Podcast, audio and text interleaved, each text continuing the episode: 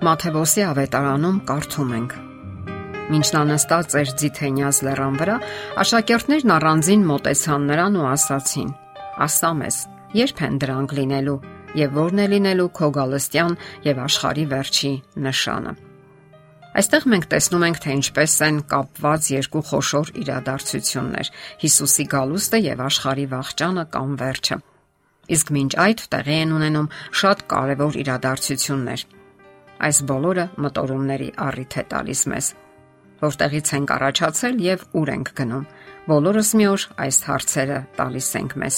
Շատերը չեն հանգստանում, ինչև չգտնեն պատասխանը։ Շատ մարդիկ ապրում են այնպես, կարծես հսկայական օվկիանոսում մոլորված նավաստիներ լինեն, ովքեր չունեն ոչ մի կողմնացույց եւ ոչ էլ հմուտ ղեկավար։ Նրանք օրորվում են ջրերի վրա հանձնված բախտիկ մահաճույքին։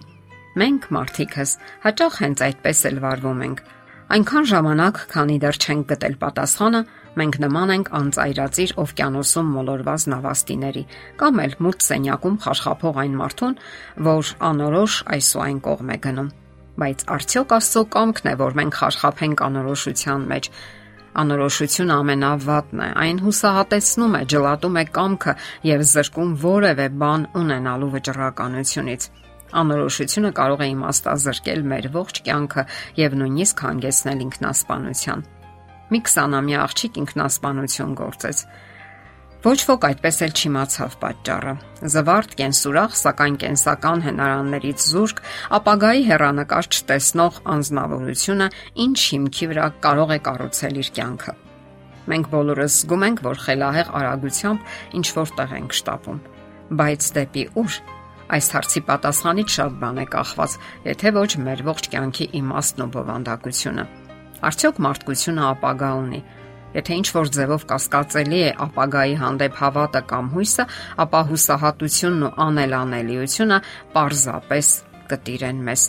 Ինչպես կարելի է ապրել առանց ապագայի հույսի։ Իսկ միգուցե հենց այստեղ էր թաքնված 20-ամյա աղջկա եւ շատ ուրիշների ինքնասպանության պատճառը կարելի է առանձնացնել մեր ապագան անցյալից։ Կարող ենք հասկանալ, թե ուր ենք գնում, եթե չգիտենք, թե ինչպես ենք հայտնվել այստեղ։ Եթե մենք պատահականորեն ենք հայտնվել այստեղ, ապա ինչ կարելի է սпасել ապագայից։ Միայն պատահականություններ, բախտի կամ դիպվածի կմահաճույքներ։ Եկեք դատենք տրամաբանորեն։ Կարող ենք ակնկալել այն ձեռքի օգնությունը, որին չենք հավատում։ Ինչպես կարող ենք մեր ապագան հանձնել մեկին, եթե վստահ չենք, որ այդ մեկը ամենասկզբից կյանքի է կոչել մեզ։ Ահա թե ինչու մեր հավատի ամենաբուն հիմքում մենք պետք է վստահ լինենք, որ կյանք ենք ստացել Աստծուց։ Նա է մեզ արարել։ Որոշակի երևակայություն է պետք, որpիսի տառացիորեն ընդունենք եւ հավատանք արարչագործության վերաբերյալ Աստվածաշնչյան պատմությունը։ Ինչը կարող է մեզ խանգարել, որ հիանանք Աստծո զորության եւ իմաստության հրաշքներով, որովհետեւ մեր շրջապատում անհամար են գեղեցկության դրսևորումները։ Իսկ միգուցե մենք հույս ունենք մեր սահմանափակ ուղեղում հասկանալ Աստծո գործերը։ Այդ դեպքում մեզ հիասթափություն է սպասվում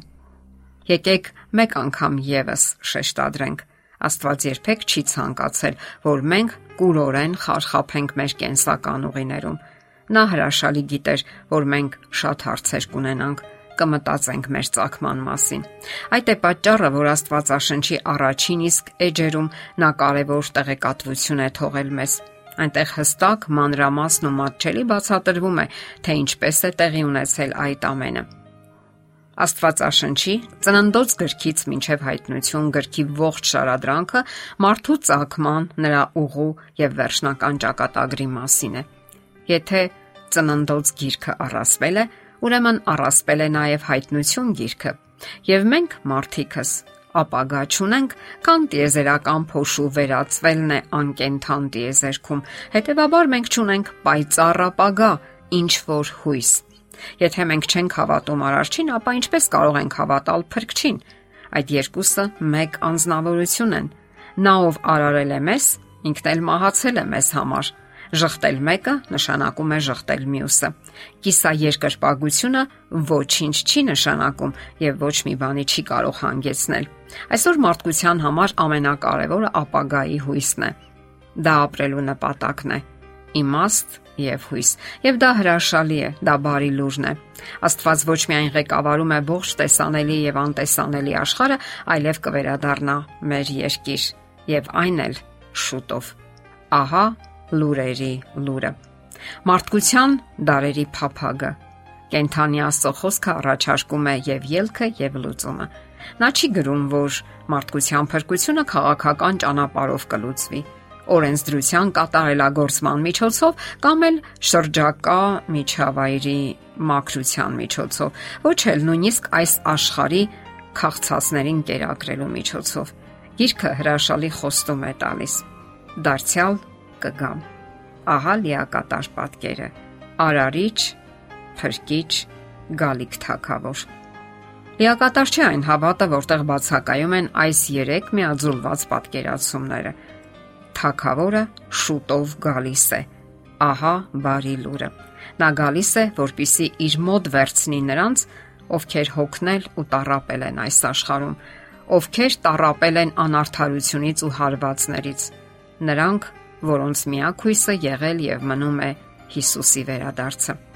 Նա գալիս է, որ արտնասնի ննջեցյալներին, ոմանց դեպի հավերժական երանություն, ոմանց դեպի հավերժական մահ։ Ոչ ոք չի մոռացվի։ Ընտանիքները կմիավորվեն, հարազատները մեկ ընդմիշտ միասին կլինեն։ Ահա թե որն է Աստծո առաջարկած ելքը, որը գտնվում է ոչ թե գիտական հայտնագործություններում, մարդկային գործերում, այլ հարության փառավոր խոստման մեջ։ Նա ինքն էլ հարություն է առել եւ մենք էլ հարություն կառնենք։ Եվ արդյոք սա չէ Աստվածային հույսը եւ օգնությունը։ Մենք գիտենք, որ տիեզերքում միայնակ չենք, որ Աստված է ղեկավարում կյանքի հանգամանքները եւ նա մի օր կվերադառնա։ Մենք վախենալու հիմք չունենք, ապագան անորոշ չէ։ Մեր կյանքը գտնվում է կենթանի փրկչի ուժեղ, թեև մեխերով խոցված ձեռքերի մեջ։ Եվ այդ կյանքը ավարտ ու վախճան ունի։ Ժամանակը անverջ չի կարող ձգվել։ Հիսուսը վերադառնում է իր վարձքը իր հետ եւ կա արդյոք ավելի մեծ հույս եւ երանություն։ Եթերում է ղողանջ հավերժության հաղորդաշարը։ Հարցերի եւ առաջարկությունների համար զանգահարել 033 87 87 87 հեռախոսահամարով։